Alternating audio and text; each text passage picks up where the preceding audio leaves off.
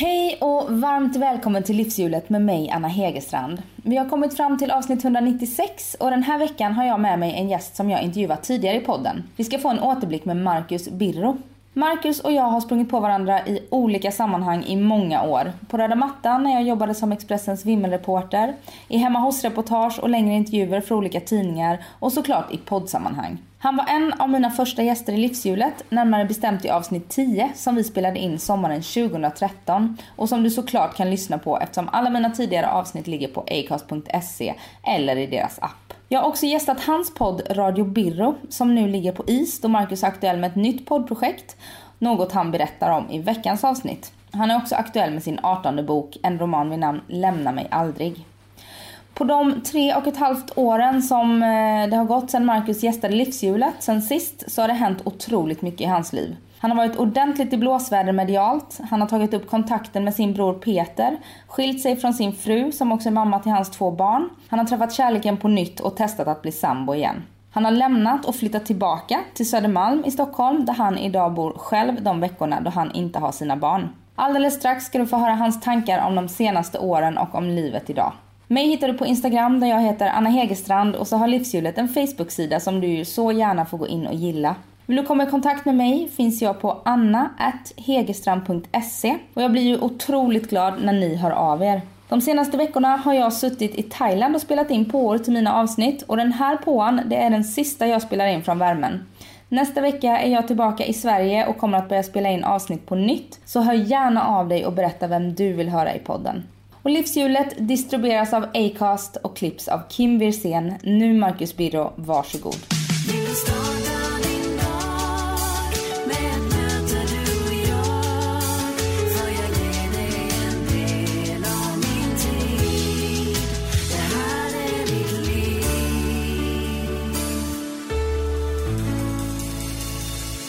Välkommen hem till mig. Tack så hemskt mycket. Hur mår du då? Jag mår jättebra. Jag blev väldigt glad när jag klev in här.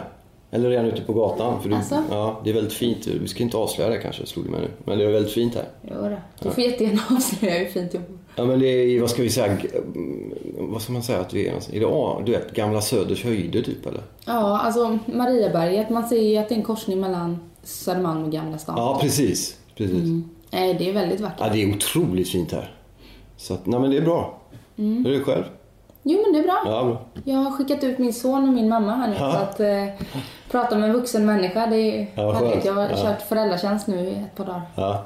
Och förhoppningsvis behöver du inte byta blöjor på mig. Nej, Nej. vi får väl se. Ja. Men du är tillbaka på Söder. Du flyttade ut från Söder. Precis, jag flyttade från Söder eh, hösten 2015 och kände att jag var klar med Söder. Av olika anledningar. Men eh, jag upptäckte också att jag längtade tillbaka till Söder. Vad var det du längtade tillbaka till? Ja, För du har ju gått rätt hårt åt Söder. Ja, jag vet, men jag, det, jag, det blir fel. Jag gör ofta sådana fel. Att jag bränner broar och sen upptäcker jag hmm, jag kanske skulle behöva gå tillbaka över de broarna. Vad gör jag nu? Känner du att du är välkommen tillbaka nu? Jag vet tror inte folk, jag tror inte folk har en koll på vart jag bor eller inte om jag flyttar och så. Jag tror folk har annat att göra. Men jag trivdes bättre än vad jag trodde. Men jag är sån, jag behöver göra, försätta mig i situationer för att upptäcka. Andra kanske mer teoretiskt kan föreställa sig att om, om jag flyttar så kommer jag sakna. Jag var tvungen att flytta för att upptäcka att jag saknade Söder. Man saknar inte kon förrän båset är Nej, tomt. precis. Jag lever i en liten, det kan bli lite tröttsamt ibland. Mm. Men eh, ja, jag var, tvungen att göra det men det funkar inte så jag bor på Södermalm igen. Mm. Och det är ju tre och ett halvt år sedan, inte sedan vi sågs, men sedan Nej. du var med i Livshjulet. Ja, Vi brukar ju ses ett par gånger. mm. Jag sa ju det, du var den sista jag träffade innan jag åkte in och födde barn och den första typ jag träffade efter jag hade fött barn. Ja, Så jag kommer lite- ihåg bägge gångerna väldigt väl. Mm. Jag joggade, var det längs Årstaviken typ va? Nej, det var här nere på Alltså det Mellanstrand var det, just det. Mm. Och jag var ute och powerwalkade höggravid. Ja. För att gå igång liksom. Var det lite sent där eller? Nej, det var tre dagar innan. Ah, så Men det var jag- läge liksom? Ja, jag var så säker på att han skulle komma tidigt så att jag kände att nej, nu ska han ut. Okej. Ut kom han ju för vattnet gick på kvällen. Jaha, den, den samma dag alltså? Mm. Okej. Ja. Ja, men jag kommer ihåg det. Och sen så möttes vi vid um, Södra station. Du höll på att parkera din cykel. Just det, den gröna fula. Och du kom med din kille va? Ja, vi skulle på återkontroll. Just och jag bara grät och grät och så där, ja men det här är ju Marcus Birro. Skärp dig nu liksom. Du kan ju inte bara stå och gråta. Varför var du ledsen för? Hormoner. Ja, Jag grät hela, i två veckor. Okej. Var det jobbig gråt eller var det liksom skön gråt? Jobbig gråt. Gråt så att jag fick gå i terapi för gråten. Ja, är det så? Hur var det för dig när du fick barn? Tyckte du det var jobbigt? Ja, jag hade också, jag, inte, inte riktigt samma, men efter ett tag kom jag också i, i sommaren 09 efter Milo hade fötts i februari. Då kom det en sån kris. Men kan inte det handla om att ni förlorade ju? Eh, ni, ni fick ju missfall Ja, innan och Ja. att det var någon sån här reaktion på det. Så var det. Vi hade ju en kamp med att få, vi förlorade två barn 06 och sen så hade vi en kamp med IVF och operationer och allting tills Milo kom då. Så att eh, det var ju mycket det att, okej nu är kriget slut, vad gör man då? Liksom allting bara blev, fast man hade vunnit så blev det liksom tomt på ett konstigt sätt också. För att striden var över liksom. Men det, för dig var det väl mer liksom biologiskt? Ja, jag hade ju haft barnet i mig och sådär. Ja. Vad, vad, vad är det som händer? Får man någon separations... Nej, det är nog mer, i mitt fall var det att jag tvivlade på att jag kunde ta hand om honom. Jag kände mig taskig som hade satt honom till världen. Varje gång han grät så, så fick jag dåligt samvete. Eh, det, man blir konstig men jag hört det i huvudet. Jag har hört det från flera, men då har de ofta varit väldigt diskreta med att berätta om det. Jag har hört andra kvinnor berätta det, samma sak. Mm, men det är ju för att man ska vara så tabu, lycklig eller? när man får barn. Ja, jag tror det. Ja, och särskilt i den världen du rör dig kanske. Mammavärlden. Ja, men, ja, men jag är liksom offentlig och man ska, du vet, alltså att visa utåt mycket. Fast du är ju eh, ännu mer, väldigt mycket mer offentlig än vad jag är. Och ni har ju pratat väldigt öppet om kampen för att få barn och IVF och, och Ja. förlorade barn och sådär. Ja. Det är ju bra. Ja, det är jättebra. Det var det, jag kommer ihåg när vi hade, precis det hade hänt första gången då på våren 06 med, med Dante. Gick jag till biblioteket för att hitta folk som hade skrivit om det och hittade att ingen hade skrivit om det. Så det var nog då jag började skriva om det mycket och så prata om det. Och det hjälpte ju, genom att hjälpa andra hjälper man sig själv. Det är ju klassisk sån hjälpfilosofi liksom. Men nu är barnen stora. Eller Ja, det är helt sjukt. Jag tänkte på det häromdagen när Milo låg och läste för sig själv i sängen innan han somnar. Liksom. Sådana där grejer märker man. Eller Att de, de bara gör vad man säger och sånt. Hur gammal är han nu? Sju? Han fyllde åtta i februari. Han fyller åtta i februari. Och Mimmi är... Fyller sju i augusti i år. Ja, det är tätt mellan dem. Ja, ja precis. Milo IVF och sen så trodde vi inte kunde få barn då. Eftersom vi hade IVF innan. Ja. Liksom. Så kom vi Mimmi. På naturlig väg. Ja, precis. Men eh, sen sist du var med här så, du bodde ju ihop med, med Jonna då som är mamma till Milo och Mimmi. Ja, exhustrun. Och din familj, det är hustru Jonna och barnen Milo och Mimmi. Ja. Hur gamla är de? Eh, Milo är fyra nu. Ja. Eh, fyra och ett halvt och Mimmi är snart tre. Mm. Och ni bor i lägenhet på Södermalm i Stockholm, ganska nära Lasseparken. Ja, väldigt nära.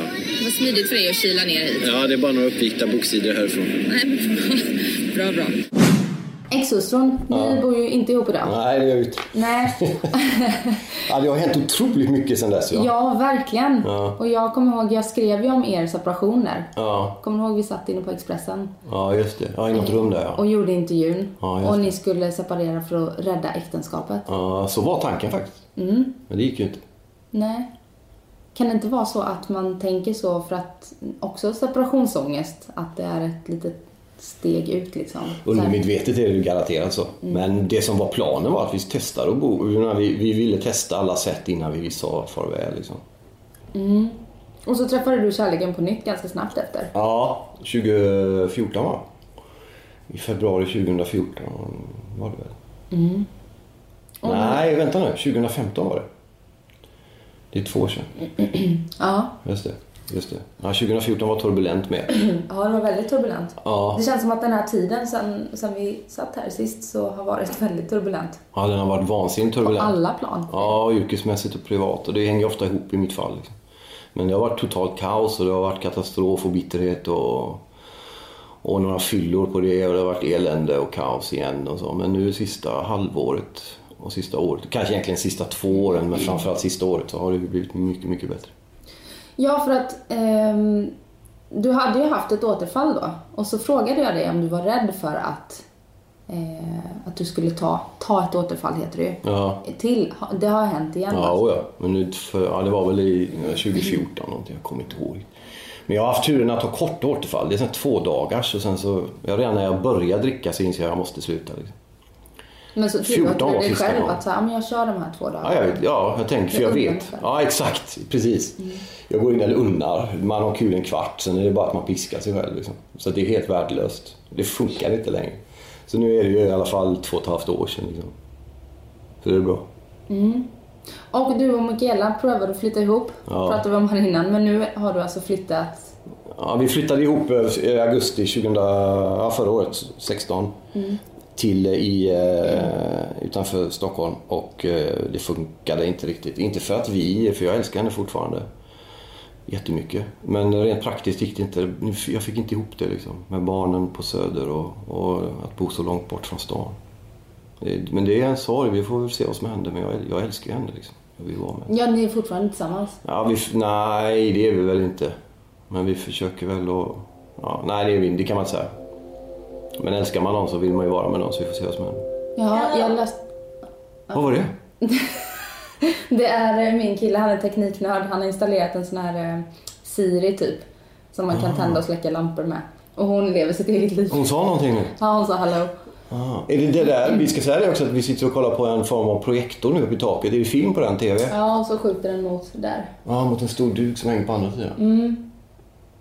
Som han nu inser att nej, det är inte så bra upplösning. Så han börjar snegla på så här high-tech TV-apparater nu. Så att nu duger det nog inte det här riktigt Ah, okej. snart. Ja, det är fantastiskt. Men å andra sidan kan man bara sitta och kolla ut. Ska vi säga till er, nu ser ni inte ni med utsikten här. Över, Mm, den är jättefin. alltså det är helt sjukt. Stadshuset och Riddarfjärd och allting. Mm, det är Ja, fint. ja. Och, och var bor du nu när du har... Jag bor på Söder, på, vid Ringvägen. Ja, Jag flyttade in, jag har bott tillfälligt hos en kompis, Johan Petrés vän faktiskt. Festfixar Johan Petré, en underbar människa på alla sätt och vis. mm, som typ är anledningen till att du och jag lärde känna varandra från början. Just det. Vi träffades på hans mingel mycket. Just det. När jag var mingeldam. Ja, ja för Expressen va? Just det, så var det ja. Eh, och sen så har jag köpt en lägenhet på Ringvägen, en liten etta där. Eller en ett och halva kan man säga. Jättefin, men liten. Men det är ju, så är det ju i den här stan. Så jag flyttade in första februari. Men Mikaela vill inte bo i stan då? Det tror jag, men hon har ju barn och sånt i, där hon bor. Så det blir svårt för henne. Hon har mindre barn och hon går på dagis och så. Så ja, vi får väl se vad som händer. Och du har dina barn varannan vecka? Ja, och de går i skola på Söder. Så det, ja, av den anledningen också, att bo närmare dem, bo närmare skolan och så. Och Jonna bor på Söder? Ja, hon bor kvar i den där vi bodde. Ja. Är ni bättre kompisar nu då? Ja, det måste man säga. Det, det, måste man för barnens skull. Liksom. Det är egocentriskt och elakt att hålla på och bråka för. Man, sen kan man tycka vad man vill och, liksom, om varandra eller vad det nu är. Men, eh, jag hyser liksom inga agg mot henne överhuvudtaget och har egentligen aldrig gjort det under den här processen. Sen har det blivit saker och ting som jag tyckte kunde ha skötts på ett annat sätt. Men, men så fort det lägger sig, så det, när stormar lägger sig, för mig åtminstone, så lägger de sig snabbt. Liksom. Mm. Jag har inga behov av att hissa svarta segel när det väl har nått land. Liksom. Så det känns bra. Och för barnens skull får man anstränga sig. Och hur ser det ut liksom livet eh, de olika veckorna? Är det mycket barnaktiviteter och sådär kan jag tänka? Ja, men det blir det ju. vecka? Ja, det blir det ju. Men samtidigt så är de ju i skolan mellan 9 och 4 i stort sett. Även de dagarna man har dem. Så att man kan ju verkligen arbeta även de dagarna. Men eh, men det kanske är förbjudet att säga. Jag vet inte, men jag trivs rätt bra med det i livet. Jag saknar dem jättemycket när, de inte, när man inte har dem de veckorna. Men, men man är ju med dem på ett helt annat sätt intensivt när man väl har dem. För då är det ju nästan alltid bara jag och dem. Liksom. Så då blir man väldigt mycket pappa de veckorna. Så jag tycker att det funkar bra. Jag trivs bra med det. Och de veckorna du inte har dem?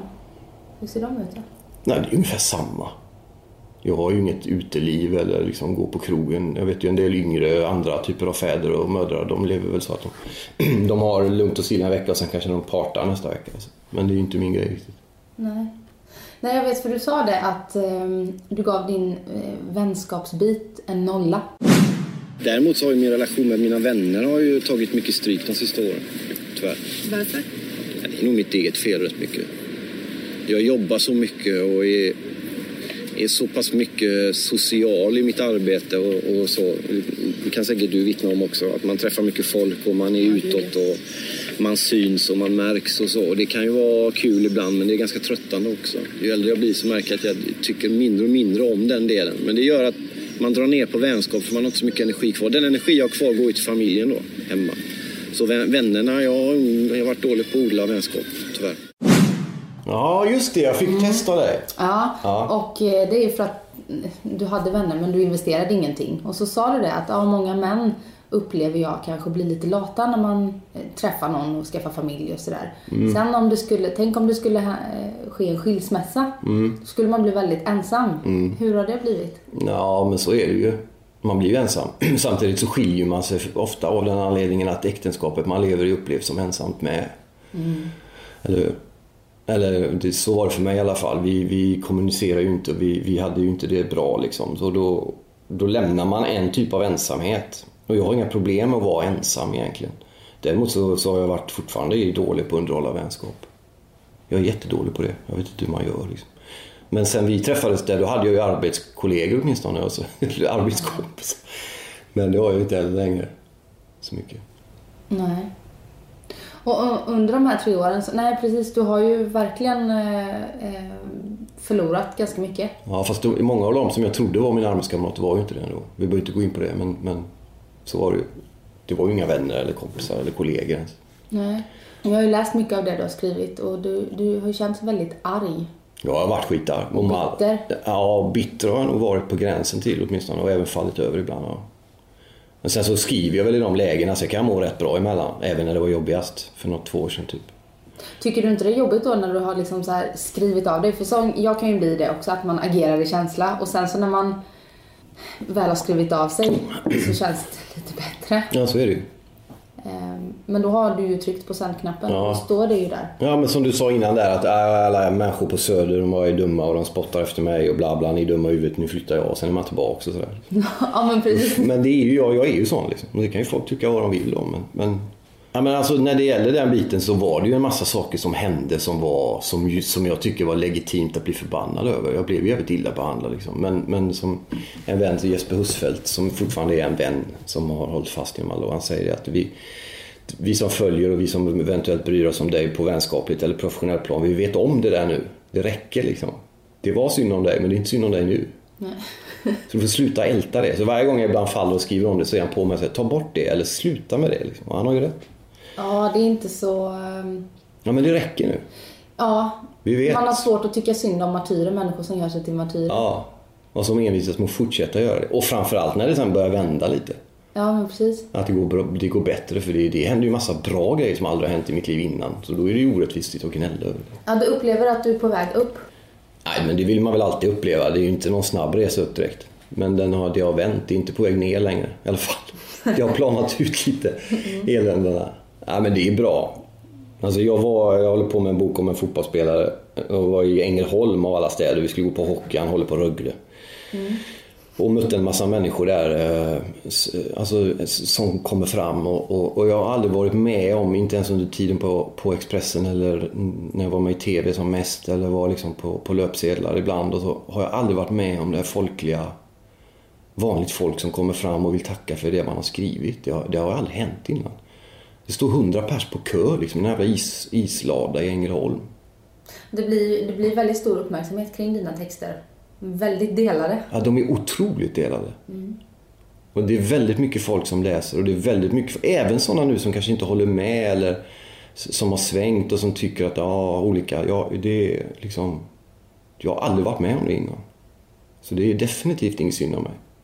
Sen är det ju svårt att få betalt numera i medievärlden för det man gör, men det är ju liksom det är en gnällig del av det hela. Det är massa människor som har det svårt ekonomiskt. Yrkesmässigt så det är ingen synd om mig. Liksom.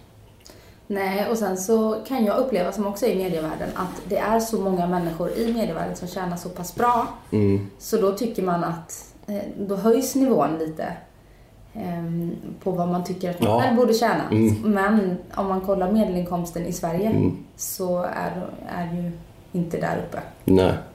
Det min, min mamma sa det, inte nu så mycket, eh, men innan så sa hon det, att du lever i en, i en eh, liksom, liten bubbla. Du lever i din lilla bubbla och tror att all, hela Sverige är som, som i din värld. Liksom. Mm. Eh, för att man har haft det så himla bra och, och förspänt. Men alltså där, där formulerar din mamma i två meningar ungefär vad jag har försökt skriva om med 100 texter de sista två åren. Mm. För jag var en del av den bubblan med. Och jag insåg inte att jag var i en del av den bubblan för jag inte var i den längre. För det, den är så tillsluten. Så hon har helt rätt i det. är precis så det är. Eh, Och, och när jag då hamnade utanför den bubblan och fortsatte att skriva om det som jag, när jag började upptäcka hur, vilka glapp det fanns. Så blev jag ju ett större hot för den mediala makten och då blev de ännu mer övertygade om att de måste försöka låta bli att uppmärksamma mig och sådär. Men även att du är ju fortfarande i bubblan för du är ju fortfarande i medievärlden. Ja, fast inte på samma sätt. Inte alls på samma sätt. Man stod på ett torg i Venedig och dealade om jag skulle ha 90 eller 130 000 i månadslön. Liksom. Nu är jag glad om jag får ihop 20 000 en månad. Jag har kastats ut ur en massa sammanhang som har öppnat ögonen för hur människor lever sina liv på ett sätt som jag inte gjorde när jag var på Expressen till exempel. Eh, Så det är visst, det är möjligt att det är en bubbla på ett sätt men jag ingår ju inte i några sammanhang längre. Liksom som jag gjorde under den där tiden. Det är ju ingen som gullar med mig som de gjorde då. Nej. Men du har, eh, du har gjort ett medvetet val också. Genom att, du säger det, jag står för det jag skriver, jag tänker stå upp för mig själv. Ja. Och det är många som inte står upp för sig själv av rädslan för att hamna utanför. Mm. För vi är ett flockdjur och vi vill... Vi, vi är rädda för att hamna utanför flocken. Ja, i det här landet är det mycket så. Ja. Så det är, det är lättare nu att hitta sin position och få, och få även uppmärksamhet och även liksom då beröm eller vad man vill ha. Mm. Och jag, men jag trivs, jag trivs med det här. Det här är en återgång till vad jag höll på med från början. Ja, du gör ju dig unik. Du är mer unik nu då kanske än när du var i etablissemanget som du säger. Ja, precis. Exakt. För där finns det ju väldigt många som är väldigt duktiga på att skriva och, och kunniga och så, men som är lite ljumma. Ja. Så att man har, ju, man har ju liksom en annan förtjänst nu. Och det går ju, det som är spännande nu med det mediala, och det vet ju du också i högsta grad och, och alla andra också, det är ju att, och, och vi som är, jag framförallt då lite äldre, som kan sätta, minns hur det var för några år sedan. Så jag menar, ska man då åka ur etablissemanget eller kriga sig ut hur man nu vill se på vad som har hänt med mig, att allt är inte alla andras fel, liksom, det är mitt eget också. Men då ska man ju göra det nu, för det är en spännande tid att göra det på. Verkligen. För det går att hitta folk via sina egna plattformar. Liksom. Och du har stora egna plattformar. Du bloggar på Nyhet24. Ja. ja, precis. Så jag är ju ett mediehus egentligen. Ja, men precis. Det är ett lite mindre, men ändå. Ja, ja, men det är ju ändå en stor sajt. Ja, Är det ju. Och sen så är du ju stor på Facebook va? ja på Facebook är det ju stora grejer. Ja. Och sen så, du sa det att du skriver eh, med en fotbollsspelare. Du skriver Mats Magnusson. Så heter han. Mem- memoarer. Ja, det är jättekul. För detta fotbollsproffset Ja. som jag inte hade hört talas om. Nej. Jag inte kan något om fotboll. Ja, men du, det är helt okej. Han var proffs i Benfica och var väldigt, väldigt framgångsrik och var en av Europas största målskyttar i början av 90-talet. Gjorde även ett klassiskt mål mot Västtyskland 1985, men då var du knappt född. 82. Jag var tre år. Ja, okej. Du var inte alls så gammal då. Du var 13 då. Ja, det är riktigt. Men, eh, eh, ja, så han, han, eh, alltså sen blev han, eh, han fastnade i alkoholmissbruk och levt som uteliggare en period. och Så, så han har en fascinerande historia att berätta. Och det är kul att skriva den. Och för mig särskilt, som är liksom, det märker vi bara vid den här stunden vi har suttit, älskar liksom att prata och rota i mig själv och sånt. Att få skriva om en annan människa. Och få kliva ner och lyssna. Och få en jobbarkompis. Ja, precis. Och han har ju blivit en vän. Han är ju fantastisk. Vi är väldigt konst olika. Han är lite konstig sådär. Men han är fantastisk. Eh, Så, ja, precis. Ja, då får man jobba ihop med folk också. Åka runt och lyssna på hans historia och vad han sov när han var uteliggare och, sådär, och skriva om det. Det är kul. Och sen så har du en ny podd på gång. Ja, Öppet hjärta. Vi började banda nu för några dagar sedan, bara några veckor sedan. Mm, du och... Ja, det var en kille som heter Mikael Strömberg som ringde mig för två veckor sedan är det väl nu va? Två och en halv. Han hade hört någon podd som eh, Alex Schulman har ihop med Sigge Eklund. Jaha. Och tyckte att eh, det där verkar ju vara... Kan man inte tjäna pengar på, han, på honom? Och på dig då. Ja, precis. Efter att Alex då har pratat om att du är the next big thing. Ja, han hade tänkt ungefär samma sak, tror jag, innan han hade hört podden. Men när han hörde podden bestämde han sig för att höra av sig, så, så förklarade han för mig. Eh, Och han kommer in med pengar, han jobbar med, han är ju fastighetsaffärsman typ annars. Så han dealar och säljer massa, eller några bostäder per år och däremellan har han en massa fritid och pengar. Och funderar på vad han skulle göra av det. Så han köpte någon poddutrustning för 70 000. 70 000. Ja, de bästa. Undrar vad den kostar snart Ja, inte, spela in. det är lite mindre kan jag säga. Eh, Men, och sen hyrde han någon svit på hotell Drottning Kristina på Birger. Och sen började han ringa en massa folk. Kända människor. Själv. Alltså du har inte börjat... Nej, jag har inte gjort... Jag har raggat Sigge Eklund och Malou Fanny Sivers och några, någon till. Jag ska kolla sen med dig också. Och någon, men annars är det han som har fått ihop en jättefin gästlista. Men då ska ni två intervjua de här personerna? Ja, och sen har lite krönikor och lite annat. Han är jätteduktig. Men vi känner inte varandra. Vi har ju precis träffats liksom. Ni ska göra en intervjupodd då? Ja. Så jag får konkurrens här. Ja, ja vi kommer ha en lång resa innan vi är uppe på dina nivåer. Men det är klart att det är ju en chansning och, och det blev ju lite medialt direkt att man gjorde det här och hur det kom till och så. Men jag är ju i en position, jag har inte så mycket att förlora egentligen. Liksom. Nej. Så det är jättekul. Vad kul. Och den här podden Radio Biro? Ja, den ligger nere så länge. Ja, det räcker med en podd. Jag lägger på krutet på öppet hjärta. Och hur kommer det sig att du la den på is? För det gjorde du redan i September. september. Ja, den tog för mycket tid. Och jag tyckte det var lite tråkigt att göra allting själv. Ja. Så därför beundrar jag hur du fixar det alltså. Men jag har ju lite arbetskollegor. Du har folk som hjälper dig eller? Jag har folk som hjälper mig. Jag har Kim, världens bästa Kim, som klipper. Och sen så ligger podden i ett bolag som jag har med eh, en kompis. Mm. Eh, så att så jag har ju lite folk att bolla med. Och sen så, jag satt ju precis och pratade med Nemo Hedén här innan du kom. Vi Älskar bollar ju lite. Ja, jag Mm. Men det är ju en konkurrent egentligen va? Ja, fast vi väljer att se det som kollegor. Ja, bra. Mm. Det bra. Vi hjälper varandra med nummer och sådär. Ja. Han har haft många eh, stora artiklar i kvällstidningarna nu som har varit baserade på mina nummer. Okej. Mm. Så att, eh, eh, och jag har fått jättemycket hjälp av honom också. Mm. Framförallt så är han skön och han är en, eh, ett gott hjärta. Ja, verkligen. Och han, han eh, verkar intresserad av att liksom få sina fördomar knäckta när han träffar folk. Verkligen. För han har ju det. Han är uppe med att han har det. Så träffar han dem och så, ja men det var inte riktigt. Men en grej jag tänkte fråga dig plötsligt. Det kan du ju klippa bort möjligen då. Men det är den här. Vi har ju en liknande, ett liknande driv. En, en sorts hunger. En, en, och det ingår ju i yrket, så det är en yrkesmässig grej också. Men det där att, Du sa själv nu att Nemo han fick en massa där kvällstidningarna. Jag tänker också så att ska jag ringa Aftonbladet för de lyssnar på den här intervjun innan så kanske de skriver och så. Och jag upplevde när det var som värst med det där, eller när man var inne i det, att, att det var svårt att, att fylla det hålet. Liksom. Det spelar ingen roll hur mycket, hur mycket bra som hände, det räckte liksom aldrig. Känner du Eh, så? Fylla det här hålet med att synas i media. Ja, och få bekräftelse på det man gör och man får lyssnare som ökar och det går bra. Men det räckte liksom aldrig för det var hela nästa hållplats var viktigare. Fast för dig och mig är det skillnad. För att du fick bekräftelse för din person, då var det Marcus Birro det stod om. Det- Jag är ju inte... Ja, fast det, ja, Känd på det nej, sättet. men det är ändå en typ av bekräftelse. För den, när jag hade Radio Byrå några gånger så var det ju uppslag om gästerna och podden. inte så. Inte när jag gästade. Nej, inte när vi gästade. Det var, vi, ha- ja, Men det var ju stora namn du hade. Plura och... ja, men jag hade kanske 30 avsnitt eller något, 35. Och Mm. Det kanske var två gånger. Det var Alex och sen var det Per Holknekt tror jag. Som andra tidningar skrev om podden. Och vilken befrielse det var. Så det är också en, en, Mm. En sorts bekräftelse kick. på att man har gjort något Ja, bra. så att även om det inte handlar om precis som dig som person så är det ändå och du är ju personlig i din podd. Det är ändå det du gör som du kollar om det blir uppmärksammat eller inte. Men du, det är inte riktigt samma ändå kanske.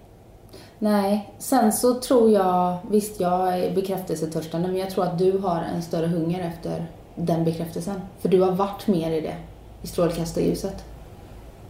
Ja, Lite det här syns man så finns man. Du kanske har ett större, svartare, äh, större svart hål ja, att ja, fyllas än vad jag har. ja kanske. Eh, ja, kanske. Men nu i alla fall så kommer det där svarta hålet fyllas med massa bekräftelser när du släpper både hans memoarer då, och så en ny podd och sen en ny bok. Ja, en roman som kommer i april redan. Ja, första på sju år. Ja, det är stort. Hur kommer det sig att det har tagit sju år? Jag vet inte, jag, jag har inte velat skriva, jag har inte haft tid att skriva roman. Jag gav ut memoarer och sen krönikesamlingar och sånt där sen, sen 2010.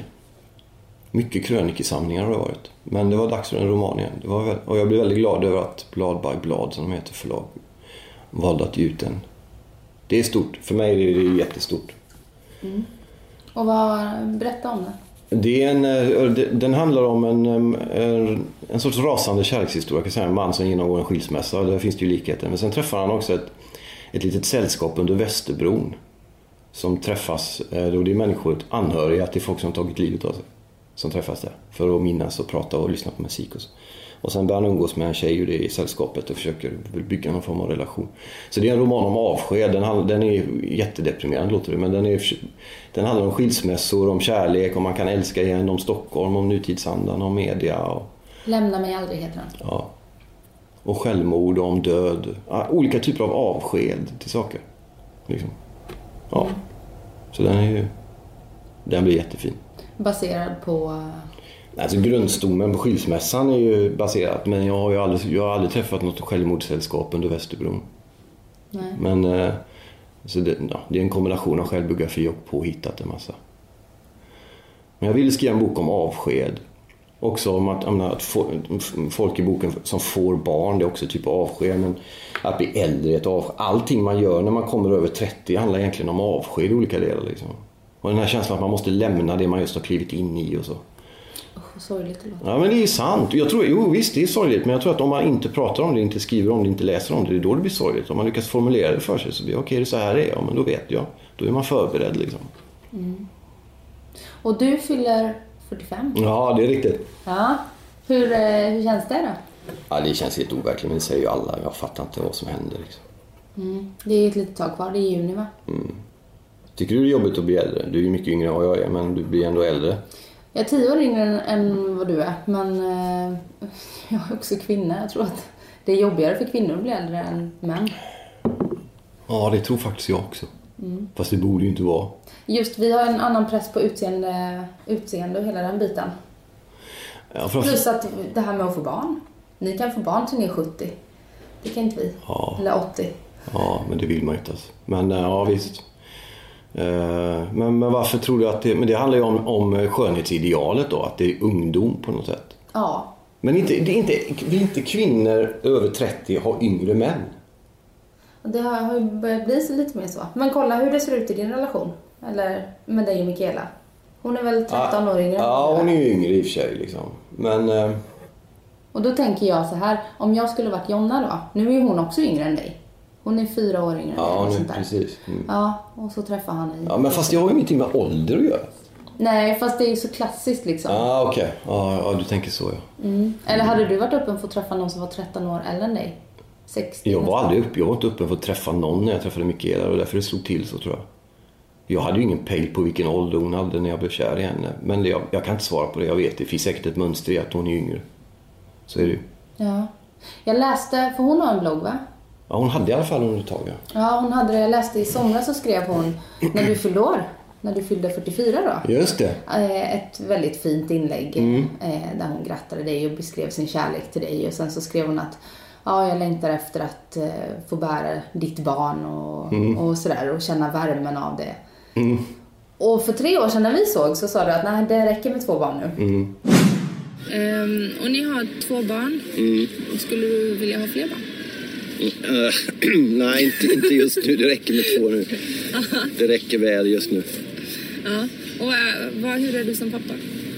Jag är nog hyfsat bra. närvarande, nykter, tycker om att vara med dem. Nykter dessutom? Ja, men det är viktigt. Jag tycker mm. det är viktigt. Alltid nykter. Och det, det är inget, eftersom jag inte dricker så blir det inget problem.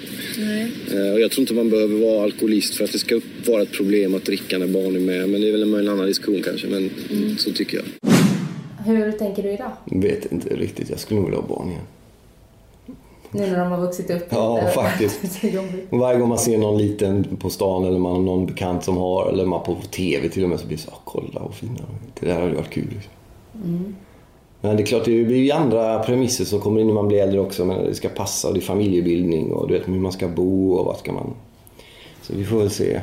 Men det stämde ju då eftersom det var som det var då. Och nu är det ju ett helt annat läge i mitt liv så det får man se.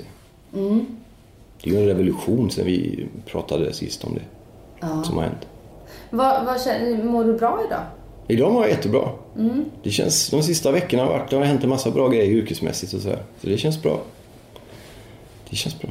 Mm, just podden då, tänker du? Ja, podden och böckerna. Jag håller på att få till det. Jag har kommit ut med två böcker på ett år. Det är fantastiskt. Liksom. Mm. Och när du tittar framåt, vad, vad tänker du? Det ser bra ut. Jag skulle vilja göra mer opinionsjournalistik i tv-form. Och den här nya tekniken är spännande med livesändningar på Facebook. Det finns massa coola grejer jag vill göra. Och utveckla podden och träffa massor med folk och ta nya steg där och, och sådär. Och bli mer interaktiv där. Och sen får vi se hur det går med böckerna liksom. Men det finns ju alltid där liksom. Känner du när du tittar på framtiden så känner du att eh, du ser ljust på det? Att du ser alla dina möjligheter? Ja, eller? det har jag alltid gjort. Det, och det är både bra och dåligt. Och ibland får man hybris, tänker jag kan göra vad som helst när man ska bli partiledare och allt vad det är man håller på med. Ja. Som inte riktigt bär. Men eh, jag har, aldrig, jag har liksom aldrig tvivlat på min kraft eller min talang. Däremot som du var inne på innan så har det funnits ett stråk av bitterhet när jag upptäcker att alla dörrar är stängda. Och då är det lätt att man blir liksom, om man upptäcker okej okay, jag är väldigt bra på det här. För jag är bra på, på att skriva och intervjua folk och, och, och, och TV och sånt där. En del av de där grejerna. Och så får jag inte göra det. Och jag får, det är inte så att jag inte får göra det för att jag är dålig på det utan av andra anledningar som inte håller. Det är då kan man bli bitter. Och det får man passa sig för. Liksom. Men eh, annars, ja, kraften tvivlar jag aldrig på att jag har en, en kraft som kommer bryta igenom. Liksom. Men det är fortfarande inte så att det var, hade varit värt att inte skriva vissa saker Nej, och vill- uttrycka sig på ett visst sätt för att få göra de här grejerna. Nej, det får jag har fått den några gånger. Ångrar du att vissa saker du Jag ångrar ingenting. Sen är det tufft av olika anledningar, ekonomiskt och så. Men, men, men det gensvar jag får på det jag gör nu, som sagt, det har jag aldrig upplevt innan. Du har ju varit nere, du berättade ju då sist att eh, om din, att du var nere på, hade skuld hos Kronofogden. Och, Ja, just och det. från det så, bara den dagen du blev nykter, i princip den månaden du blev nykter så vände det och du Ja. hade ett aktiebolag och omsatte, har två och en halv miljoner och tre ja år precis, senare. massa miljoner. Helt sjukt. Ja, och sen så, Nu har jag ett bolag som läcker 200 000 per år. Typ. Ja du ramlade ju ner där och hamnade på ekonomisk botten igen. Ja. Eh, ja, inte lika långt ner. nej. Inte som det var innan jag slutade dricka, då var det ju katastrof. Men eh, ja, det ekonomiska fallet har ju varit fullständigt. Det är ju skittufft. Men det är det ju för många. Liksom. Men känner du att du är på väg eh, upp? Ja, inte ekonomiskt. Yrkesmässigt och, och nå ut och, och sådär. Och, och det tycker jag har jag återtagit. Liksom. Hur känns det då när man har två barn att försörja? Ja, men jag är ju inte så fattig. Så jag klarar mig. Men det är klart att eh, det är tufft. Det är mycket tuffare. Men jag är ju van vid det. Jag kommer ju från sådana villkor. Den största delen av mitt liv, om man slår ut det, har jag ju levt på att liksom... eh, Har jag levt utan att ha pengar. De åren jag hade pengar är ju försvinnande få jämfört med när jag aldrig hade pengar. Så jag kommer ihåg hur man gör. Så på det sättet kan man tycka att det var väl inte så smart kanske att göra vissa grejer. Men eh, det löser sig alltid sånt. Ekonomi löser sig. Är det, är det viktigt att eh, börja tjäna mycket pengar igen? Nej, inte mycket pengar, men det är viktigt att tjäna pengar så att jag klarar liksom uppehälle och, och kan resa ibland och kan betala och, och inte behöver snåla på kläder till mina barn och grejer. Det är ju viktigt såklart. Men jag menar, jag vet ju folk, jag behöver inte nämna några namn kanske, men jag vet ju människor som, som ljuger och hycklar och stänger sitt hjärta och skriver saker de inte vill skriva och publicerar saker de skäms för, för att inte stöta sig, alltså i förlängningen inte liksom vill riskera sin ekonomi. Så jag vill inte vara, jag, jag kan, även om jag hade velat vara sån så kan jag inte det. Kan du förstå de människorna som gör det? Ja, jag kan förstå det, men det det är inte jag som ska se deras blick i spegeln varje morgon. Liksom. Det är de som ska leva med det. Och kan man leva med det så är det väl bra, liksom. men jag kan inte det. Jag, även om jag hade önskat ibland att jag hade velat vara det. Och människor jag haft omkring mig, de få jag haft eh, med vänner och kvinnor och så, hade ju önskat att man var på ett annat sätt. Och jag har försökt, men jag kan inte. Liksom. Så det är ingen bedrift eller att jag är modigare än någon annan. Det är bara en defekt snarast. Liksom. Jag kan inte. Jag kan inte ljuga om det för länge. Liksom. Om någon behandlar mig illa på en redaktion och alla säger att du ska inte prata om det, eller så, så, så det, jag kan inte liksom. Och till slut så gör redaktionen sig av med en. Då får man ta konsekvenserna av det. Var kommer det ifrån tror du? Oj, det är något fel. Jag måste prata med någon om det. Alltså. Barndomen. Ja, antagligen. Går du fortfarande i terapi? Ja, nej. Men jag ska göra igen snart. Jag måste gå i terapi. Gör du det? Nej, inte nu. Eller ja, vi går i parterapi. Ja, okej. Det tror jag är jätteviktigt. Det är ju fantastiskt. Bra att göra det på ett preventivt sätt. Mm, vi började redan innan.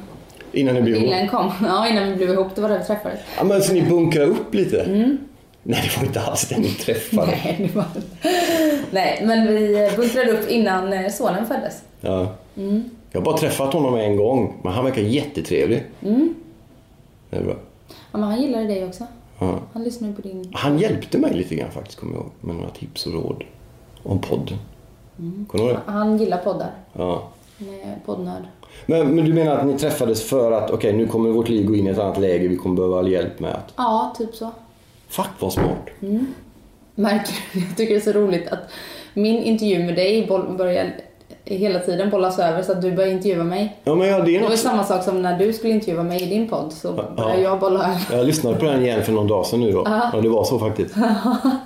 Man är inte van. Nej. Men du är ju van att bli intervjuad. Ja, fast jag tycker i och med att nu med boken med Mats och, och, och poddarna som vart och, jag, och det är mycket färre folk som vill intervjua mig numera än, än vad det var förr. Det är så? Ja, ja, oh, ja. Eh, Men eh, så då har man liksom slipat mer på konsten att intervjua folk. Mm. Tycker du det är roligt Jag tycker det är jätteroligt. Ja, det är jätteroligt. Det är mycket roligare. Du, din hälsa gav du ett lågt betyg sist vi sågs. Hälsa, kost och motion. Ja, fram till igår hade jag nog sagt en sjua på den. Men eh, nu får jag nog bara säga fem och en halv. Jag har tränat rätt mycket sista tiden och gått ner lite i vikt och sådär. Som jag du ville. ser extremt eh, slimmad ut. Ja tack, det dröjde, det dröjde en 25 minuter innan vi kom in på det så att eh, så slimmad är jag tydligen inte då. Men igår så Men skulle... jag vill ta allt under rätt tårtbit. Ja, jag förstår. Okej, tack. Inte avslöja några nyheter i förtid. Ja, det är det. För att du hade tränat väldigt mycket, sen så hade du gett dig eh, in på en PT-timma och typ svimmat efter 20 minuter. Ja, just det. Det Du var med hade Bättre kondition än vad du hade. Ja, just det. Precis. Jag trodde jag var i fin form och så körde jag en liten stund och svimmade och fick lägga mig ner på sats på Hornstull. Mm. Nej, den är, det är bättre nu. Jag har gått upp lite de sista veckorna för jag så mycket smågodis. Ja. Så jag kände runt i magen att nej, okej. Det går så fort för mig. Jag går fort upp men jag går fort ner. liksom. Och, men tränar du mycket? Jag, försöker, jag slarvar. Jag springer nästan varje dag. En halvtimme minst. Men jag borde ju liksom varva den. Gör du det? Där, nu är vi här igen. Ja, jag Ja, tränar. förlåt. Ja, okej, okej, förlåt. Ja. Ja, men jag försöker hitta tips i så fall på hur man ska göra för att... För när jag hittar en form så gör jag bara det. ja. Jag, Men liksom. löpning, den, den håller man ju i konditionen ja. i, på, bra, på en bra nivå. Men styrketräning. Ja, det borde jag göra mer. Mm. Det finns jättefint utegym nere ut med Årstaviken där, precis nere vid Eriksdalsbanan. Ja, jag vet. Men där har jag varit. Men jag kör liksom bara några gånger på någon maskin där på de där stockarna. Ha, är du en... Jag springer ofta där. Ja. Men är du eh, en liksom periodare när det kommer? Eller? Nej, inte löpningen. Löpningen är varje dag. Nästan. Nästan varje dag. Faktiskt. Minst 30 minuter. Så jag håller ju någon form av... Men jag skulle behöva gå ner något och då behöver man intensifiera träningen lite. Eller äta mindre? Ja, jag vet. Mm. Och nyttigare framförallt. Ja, vad har du för laster då? Nej, men godis. Smågodis är ett... Och så Piggelin. Men det är ju... Det är så gott! Ja, men det är 50 kalorier per glass. Och det går inte att äta en Piggelin. Du har koll på det? Det är som en eh, Ja, men jag tog reda på det nu för jag... Ja, men jag frossar ju Piggelin. Jag kan äta 6-7 i rad liksom. Oj då, Ja. är inte det lite sliskigt? Nej, ja, sjätte kanske blir lite. Men jag kan inte sluta med dem. Så då kollar jag många, ja, men det är inga kalorier i de här. Och så, oj, det är 50 ändå. Alltså, det blir många om man trycker i sig sex glassar. Men smågodis och sånt är ju farligt. Är det så det ser ut veckorna då du inte har barnen? Det är smågodis och Piggelin? Ja, men sen är ju barnen älskar godis med. Så då har man ju det då, så det är alltid liksom. Det är alltid godis. Men kvälls, jag gillar att äta på kvällen också, det är inget bra. Nej, Det ska man inte göra. men det är gott. Det är så gott att kolla på en Särskilt film. nu när det är så mörkt och... Alltså det är det enda man gör. Ja. Sitter inne Ja. och käkar. Ja. Så, men, men det går ju an om man då tränar, men jag, måste, ja, jag får försöka hålla. Och just med tanke på att du fyller... Du är halvvägs till 50, ja inte halvvägs till 50 men... Nu är halvvägs till och 90 va? Ja, Det är ju helt sjukt alltså. men du är ju mer åt 50 än åt 40 i sommar. ja. Hur, hur känns det? Ja, ja, det känns jobbigt. Ja, du tycker det är jobbigt? Jag, tycker det, jag, jag fattar inte riktigt. Vad är det Jag tänker på det lite varje... Jag får inte ihop. Alltså, jag, jag tänker på när jag ser fotboll. Häromdagen var det någon italiensk match där.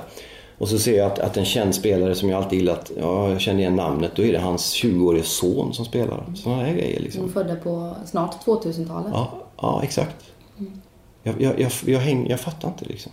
Jag var 22 nyss. Jag tycker inte det har hänt så mycket sen dess rent mentalt. Liksom. Jag får inte ihop det. Och, och sen, och det är ju mer en så här, liksom, självcentrerad liksom, sån grej mer. Men sen märker jag också eh, sjukdom och död är, kommer närmare. Det, det rör sig liksom i en cirklar närmare. Det är inte någon annans förälders kompis utan det är liksom vänner. Jag pratade med Mats Magnusson då. Han är några år äldre. Två av hans vänner dog i cancer förra året. De var runt 53. Liksom. Det, är- det är massa sådana grejer som händer också. Det kommer människor man umgås med. Det är inte bara folk utanför ens bekantskapskrets utan det kommer närmare döden. Det är läskigt ju. Har du dina föräldrar i livet? Ja, och det börjar man ju uppskatta alltså. Ja, Pappa är ju 77 i år. Liksom.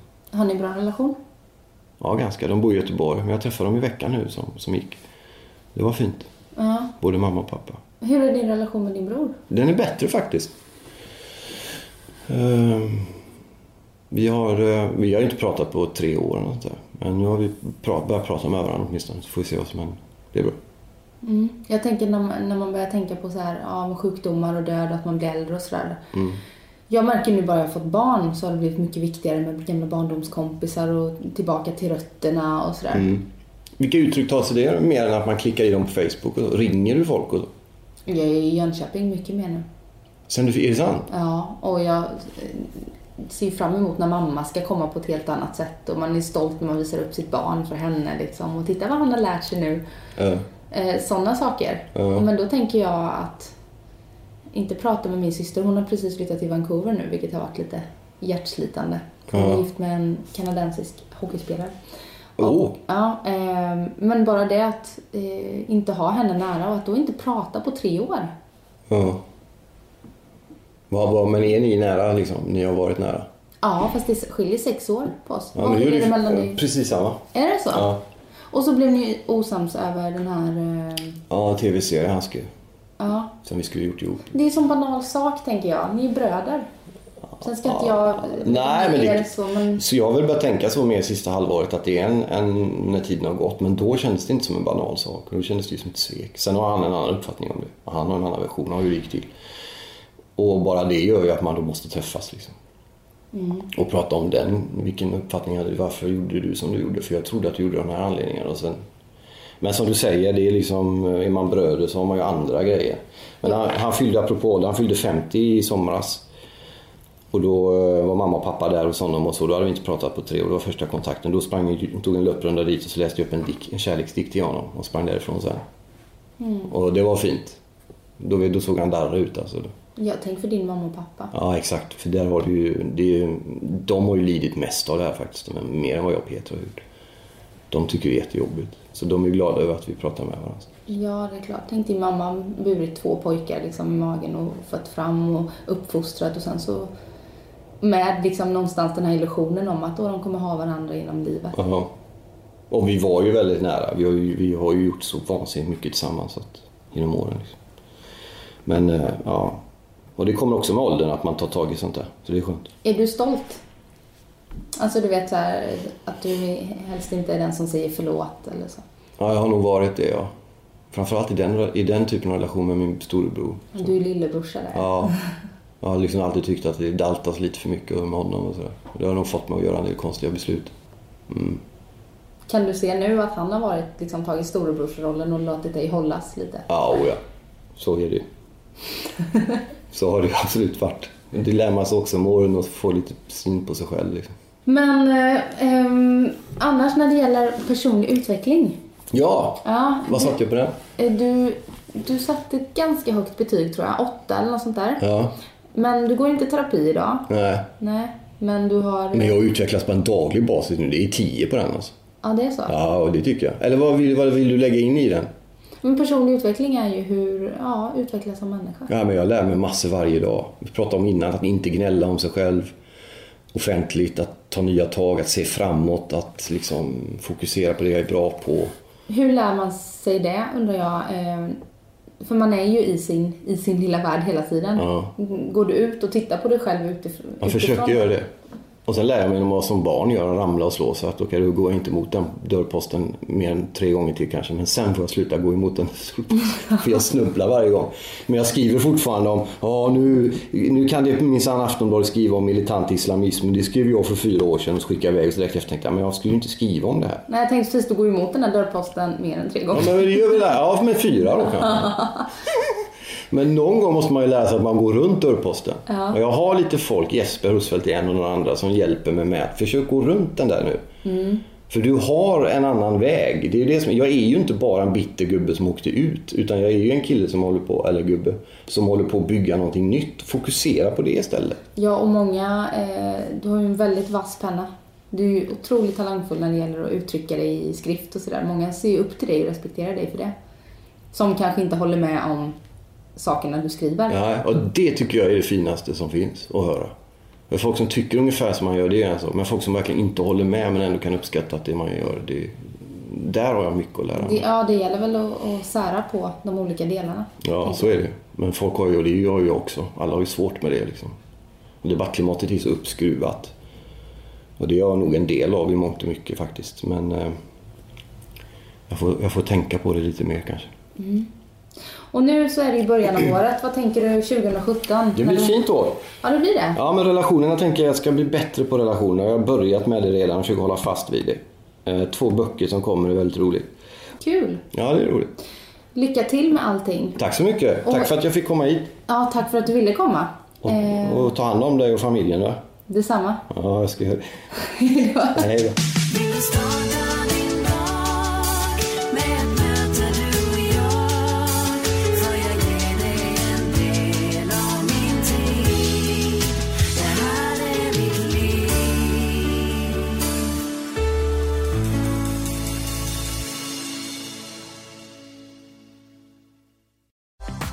starta vår stora färgfest med fantastiska erbjudanden för dig som ska måla om. Kom in så förverkligar vi ditt projekt på Nordsjö Idé och Design.